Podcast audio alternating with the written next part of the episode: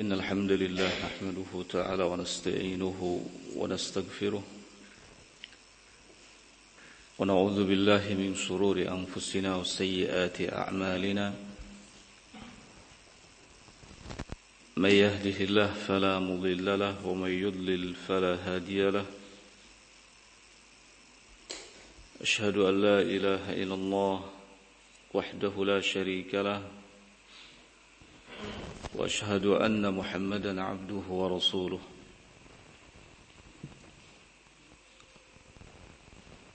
يقول الله سبحانه وتعالى في كتابه الكريم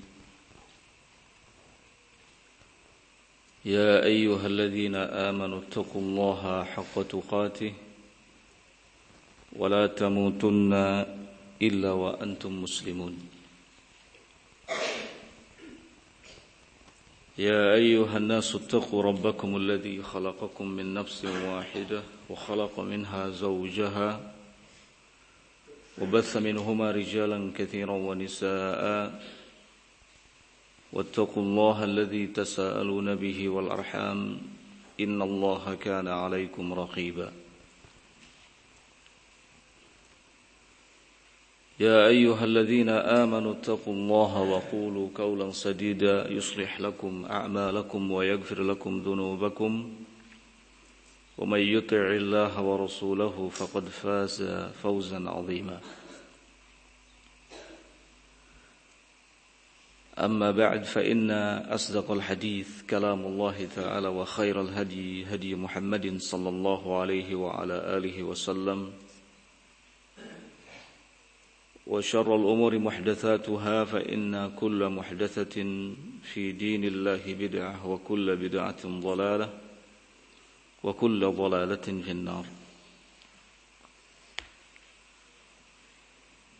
إخواني في الدين رحمني ورحمكم الله.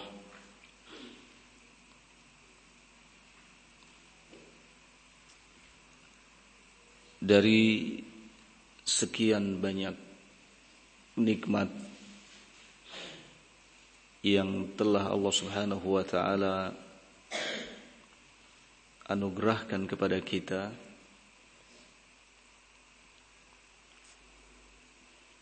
yang tidak boleh untuk kita lupakan adalah nikmat Islam. Nikmat di mana Allah Subhanahu wa taala menjadikan kita sebagai seorang muslim dan menjadikan agama kita agama Islam. Karena Islam adalah satu-satunya agama yang paling sempurna. Islam adalah satu-satunya agama yang paling baik.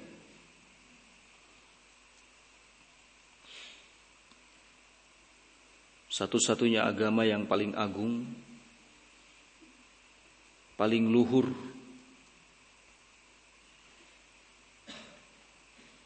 mengajarkan berbagai macam kesempurnaan dan kebaikan.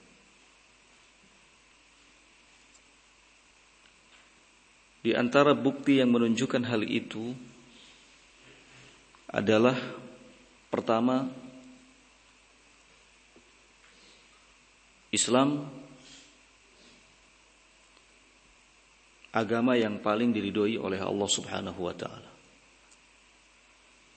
Bahkan tidak ada agama yang diridhoi oleh Allah kecuali Islam. Allah Subhanahu wa taala berfirman, "Inna dina indallahil Islam." Sesungguhnya agama yang ada di sisi Allah agama yang hanya diakui oleh Allah Subhanahu wa taala adalah Islam. Oleh karena itu Allah menjelaskan dalam firman-Nya yang lain Wa may yabtaghi ghairal islami dina falan yuqbala minhu wa huwa fil akhirati. Barang siapa yang memilih agama selain Islam, maka tidak akan diterima. Bahkan ia di akhirat nanti akan termasuk ke dalam golongan orang-orang yang merugi.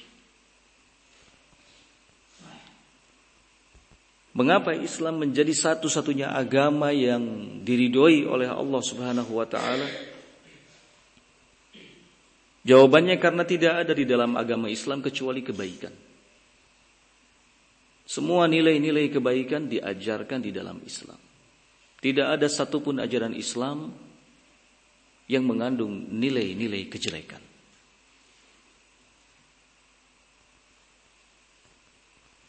Maka di sini sangat pantas bagi kita semua untuk bersyukur kepada Allah Subhanahu wa taala yang telah memberikan petunjuk kepada kita menjadi seorang muslim memeluk dinul Islam.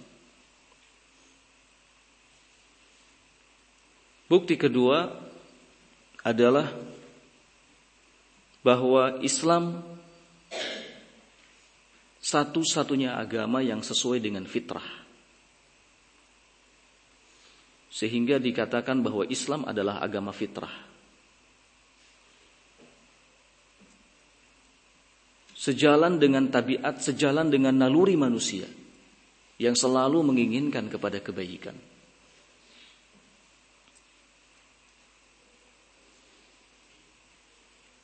Di Quran surat Ar-Rum ayat yang ke-30 Allah Subhanahu wa taala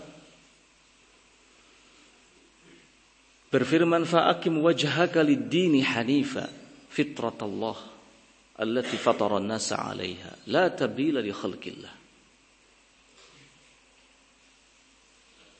Hadapkanlah wajahmu kepada agama Allah yang lurus Yang dimaksud adalah Islam. Fitrat Allah. Islam adalah fitrah Allah yang telah Allah berikan kepada segenap manusia. La tabdila li khalqillah. Tidak akan pernah ada yang mampu merubah segala ciptaan Allah Subhanahu wa taala. Bahkan Nabi Shallallahu Alaihi Wasallam pun menjelaskan bahwa setiap yang terlahir itu akan terlahir dalam keadaan fitrah. Kullu mauludin yuladu alal fitrah.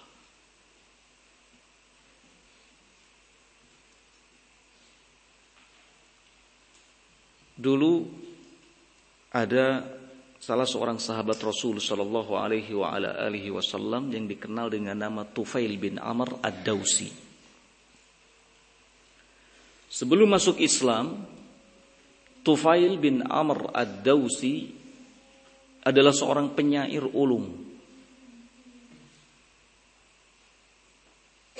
Khatib nomor satu, pandai berbicara, mengerti sekian banyak bahasa kalau ada orang yang berbicara dia tahu mana letak-letak kesalahannya.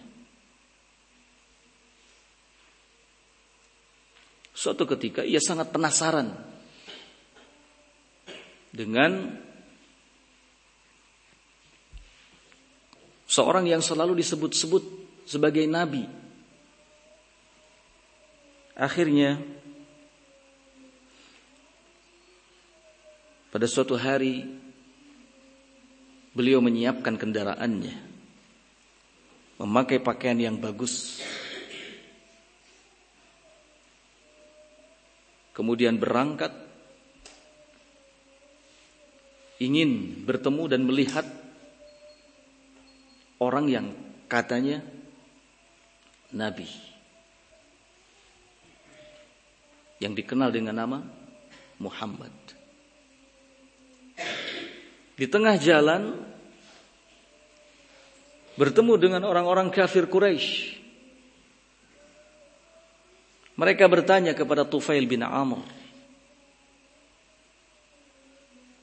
Hendak pergi ke mana engkau? Tufail bin Amr ad-Dausi menjawab, aku ingin bertemu dengan orang yang katanya sebagai nabi dan mengaku sebagai nabi.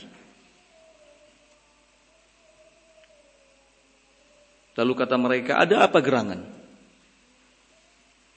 Tufail bin Amr ad-Dausi menjawab, aku ingin mendengar omongannya.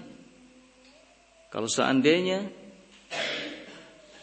kata-kata yang diucapkannya benar, maka aku akan mengikutinya. Tetapi kalau seandainya tidak, maka aku akan mendustakannya dan meninggalnya.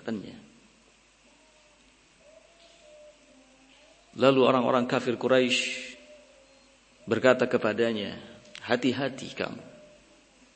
Jangan sampai terkecoh ketika kamu bertemu dengan orang yang bernama Muhammad. Dia mengaku sebagai nabi. Innahu sahirun padahal dia itu tukang sihir. Innahu syairun, dia hanyalah seorang penyair. Innahu kahinun, dia hanyalah seorang dukun. Innahu majnun, dia orang gila. Orang-orang kafir Quraisy terus menakut-nakuti Tufail bin Amr ad-Dausi. Hingga akhirnya kata Tufail bin Amr, aku ambil kapas Kemudian aku pasang kapas ini di telingaku. Agar ketika bertemu dengan orang yang bernama Muhammad, aku tidak mendengar kata-kata yang disampaikannya. Kemudian Tofel bin Amr ad-Dausi melanjutkan perjalanannya. Ketika sampai di hadapan Muhammad sallallahu alaihi wasallam, kesan pertama yang didapatinya adalah ketika beliau melihat wajah Nabi Muhammad sallallahu alaihi wasallam. Tufail bin Amr Ad-Dausi mengatakan wallah demi Allah. Ketika aku melihat wajahnya, aku langsung mengetahui bahwa orang ini bukanlah pendusta. Kemudian Nabi Muhammad sallallahu alaihi wasallam pada saat itu membaca Quran surat Taha. Taha ma anzalna alaikal qur'ana litashqa illa tadhkiratan liman yakhsha dan seterusnya. Dilanjut kemudian dengan membaca Quran surat Qaf. Qaf wal Qur'anil Majid dan seterusnya. Tufail bin Amr ad-Dausi merasa penasaran Kemudian keinginan yang ada dalam jiwanya mendorongnya untuk segera melepas kapas yang tadi dipasang di telinganya. Sungguh kebenaran itu tak sekuat kapas. Ya. Kalam Allah tidak akan bisa dibendung oleh kapas-kapas yang ringan, ya. oleh kapas-kapas yang mungkin tidak ada kelebihannya sama sekali. Setelah itu Tufail bin Amr ad-Dausi datang ke hadapan Nabi Shallallahu Alaihi Wasallam kemudian mengucapkan kata penghormatan yang biasa diucapkan oleh orang-orang jahiliyah musyrikin. Kata Nabi Shallallahu Alaihi Wasallam bukan begitu cara mengucapkan penghormatan. Allah telah memberikan kepadaku sesuatu yang lebih baik dari itu. Kata Tufail bin Amr ad-Dawzi, apa itu? Nabi SAW mengatakan, Assalamualaikum warahmatullah. Maka Tufail bin Amr ad-Dawzi pun mengucapkan Assalamualaikum warahmatullah. Sungguh sangat indah kata-kata ini. Tufail bin Amr ad-Dawsi seorang penyair, seorang ahli bahasa begitu mendengar kalimat Assalamualaikum warahmatullah ia mengatakan sungguh sangat indah kata-kata ini. Luar biasa. Lalu Tufail bin Amr bertanya, "Man anta? Siapa sih sebenarnya engkau ini?" Nabi Muhammad SAW menjawab, "Aku adalah seorang rasul, utusan." Lalu kata Tufail bin Amr ad-Dausi, "Man arsalaka?" Siapa yang telah mengutusmu? Allah, kata Nabi Muhammad sallallahu alaihi wa ala alihi wasallam. Apa yang engkau serukan kepada manusia? Kata Tufail bin Amr. Rasulullah Shallallahu Alaihi Wasallam kemudian membaca ayat demi ayat, ya, menerangkan tentang tauhid dan segala hal yang ada dalam Al-Quran. Mendengar itu Tufail bin Amr ad-Dawsi kemudian mengucapkan Ashhadu an la ilaha illallah wa ashhadu anna muhammadan Rasulullah. Fitrahnya tidak bisa membohonginya. Ya. Sehebat apa pun kecerdasannya, kepintarannya, pengetahuannya terhadap berbagai hal tidak bisa mencegah, menghalangi hidayah Islam untuk masuk ke dalam relung kolbunya. Ya. Maka sejak saat itu Tufail bin Amr ad-Dawzi menjadi seorang muslim. Kemudian ia memperkenalkan diri. Kalau aku, aku adalah orang yang berasal dari Daus. Salah satu kabilah yang cukup terkenal ya, di kalangan bangsa Arab. Ikhwanifiddin rahimani wa rahimakumullah ini menunjukkan bahwa Islam betul-betul agama fitrah. Sesuai dengan fitrah manusia. Ya. Semua orang tidak ada yang bisa menolak keindahan, kesucian dinul Islam. Kemudian berikutnya yang keempat adalah bahwa Islam agama yang syarat dengan ilmu pengetahuan.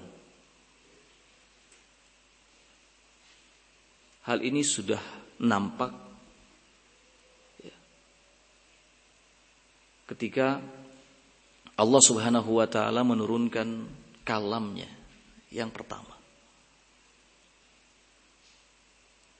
Iqra bismi rabbikal ladzi khalaq. Bacalah dengan nama Rabbmu yang telah menciptakan. Ada perintah membaca. Sedangkan membaca adalah salah satu wasilah di mana seseorang akan mendapatkan ilmu pengetahuan. Maka tidak ada satu agama pun yang syarat dengan ilmu pengetahuan kecuali Islam. Jika kita ingin mendapatkan ilmu, jika kita ingin mendapatkan wawasan yang luas, maka Islamlah jawabannya. Ada di dalam Islam. Ilmu pengetahuan tentang apa? Semuanya ada di dalam Islam. Islam adalah agama yang universal. Dinun kamilun syamilun. Agama yang sempurna, agama yang menyeluruh. Ya. Sekali lagi tidak ada agama yang seperti ini keadaannya kecuali Islam. Di saat Allah Subhanahu wa taala menunjuki kita kepada agama ini, maka kewajiban kita adalah bersyukur.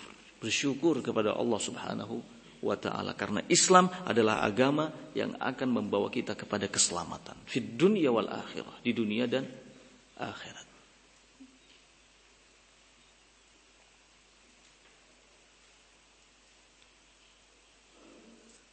Yang berikutnya yang keberapa? Keempat? Kelima.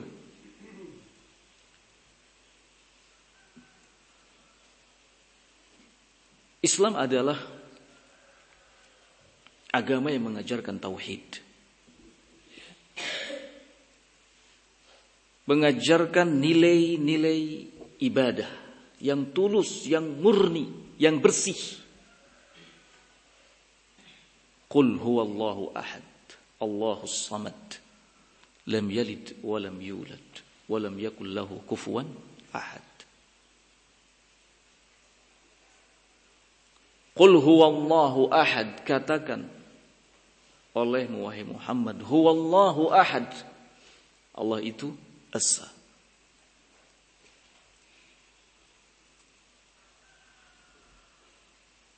Allahus samad. Allah satu-satunya zat ya, tempat bergantung. Tidak beranak dan tidak diperanakan. Dan tidak ada yang sebanding dengannya.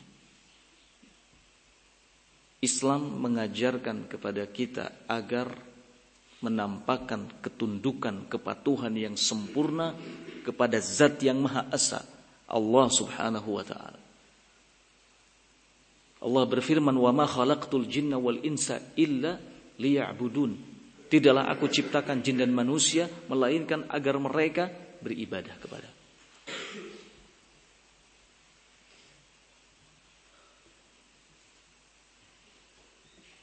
Islam adalah agama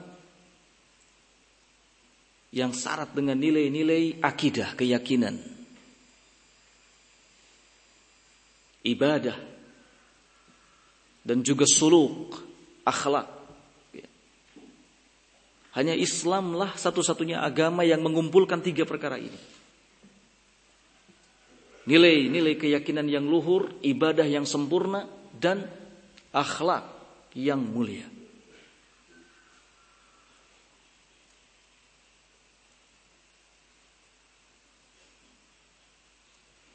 Yang berikutnya Islam adalah agama yang mengajarkan nilai-nilai keadilan.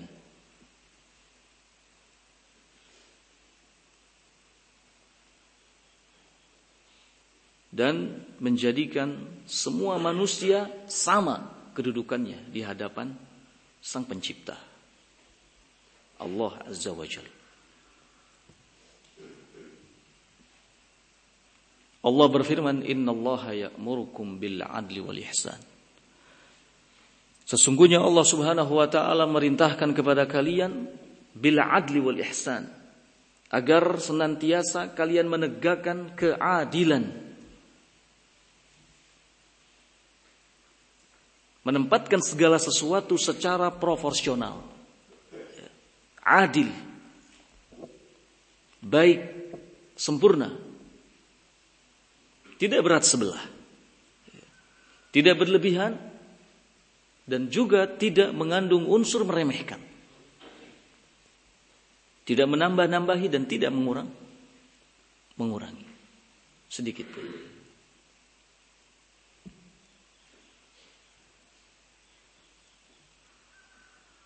Diriwayatkan oleh Aisyah radhiyallahu taala anha dulu ada seorang wanita yang dikenal dari kabilah Makhzum, Imra'atun Makhzumiyah.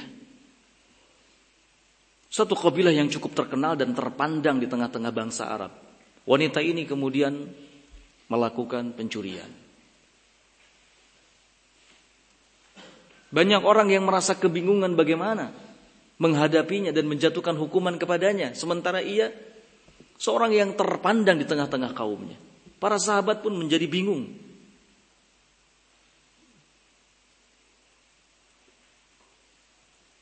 Mereka saling bertanya-tanya siapa di antara kita yang bisa mendatangi Nabi Shallallahu Alaihi Wasallam dan menyampaikan perkaranya.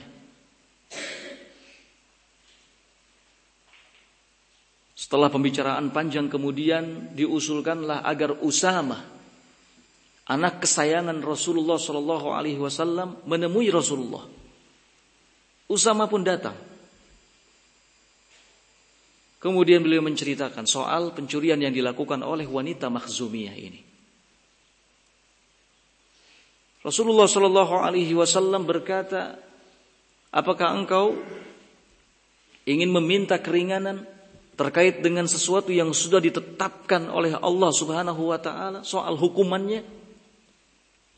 Kemudian beliau sallallahu alaihi wasallam berkhutbah.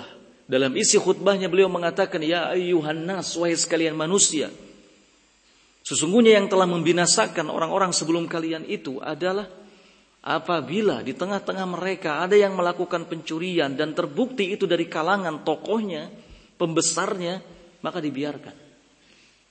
Tidak ditegakkan hukuman padanya, tetapi sebaliknya. Ketika yang melakukan pencuriannya dari kalangan bawahan masyarakat biasa, maka segera ditegakkan hukuman padanya. Lalu kata beliau sallallahu alaihi wasallam, "Wallahi demi Allah seandainya Fatimah putri Muhammad mencuri, laqata'tu yadaha." Tentu aku akan potong tangannya. Nabi mengajarkan nilai-nilai keadilan. Selain itu, semua manusia di mata Allah sama. Dengan perbedaan yang ada di tengah-tengah mereka. Allah Subhanahu wa taala berfirman, "Ya ayyuhan nas, inna khalaqnakum min dzakari wa untha wa ja'alnakum syu'uba wa qabaila lita'arafu. Inna akramakum indallahi atqakum." Wahai sekalian manusia, sesungguhnya kami telah menciptakan kalian dari jenis laki-laki dan wanita. Waja'alnakum syu'uba wa qabaila kami jadikan kalian bersuku-suku dan berbangsa-bangsa. Lita'arafu agar kalian dengan itu saling mengenal satu dengan yang lainnya. Kemudian kata Allah, "Inna akramakum indallahi atqakum." Sesungguhnya yang paling mulia di antara kalian di sisi Allah Subhanahu wa taala adalah yang paling bertakwa. Tidak ada status apa pun yang membedakan seseorang di mata Allah Subhanahu wa taala dari yang lainnya kecuali apa? Takwa. Semua sama di mata Allah. Ada perempuan, ada wanita, ada yang kaya, ada yang miskin. Ada yang warna kulitnya putih, ada yang warna kulitnya hitam. Ada yang tinggi, ada yang pendek, ada yang gemuk, ada yang kurus. Semua itu sama di mata Allah Subhanahu wa taala. Yang membedakan hanya takwa. Inna akramakum indallahi atqakum. Tentu ini akan membuat tentram, membuat nyaman kita sebagai hamba Allah untuk menjalani hidup di dunia dalam keadaan apa pun. Mau kita sebagai orang yang kaya, mau kita sebagai orang yang miskin, kita sebagai orang yang tinggi postur tubuhnya atau yang pendek postur tubuhnya, yang gemuk, yang kurus, apa pun itu nggak jadi masalah.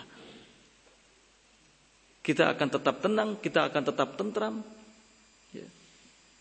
tidak merasa berbeda dengan yang lainnya, karena yang membedakan dalam pandangan Allah Subhanahu Wa Taala itu hanya takwa. Ini semua sekali lagi hanya ada dalam agama Islam. Tidak ada di agama yang lainnya. Maka bersyukurlah. Pujilah Allah subhanahu wa ta'ala. Qul alhamdulillah. Ucapkan alhamdulillah. Fi kulli laylah. Setiap malam. Wan nahar. Dan setiap siang. Fi kulli sa'ah. Dan setiap saat. Alhamdulillah. Ya. Segala puji bagi Allah subhanahu wa taala. Semoga Allah Subhanahu wa taala memberikan keistiqomahan dan kekuatan kepada kita sehingga kita ketika meninggalkan dunia ini dalam keadaan di atas Islam.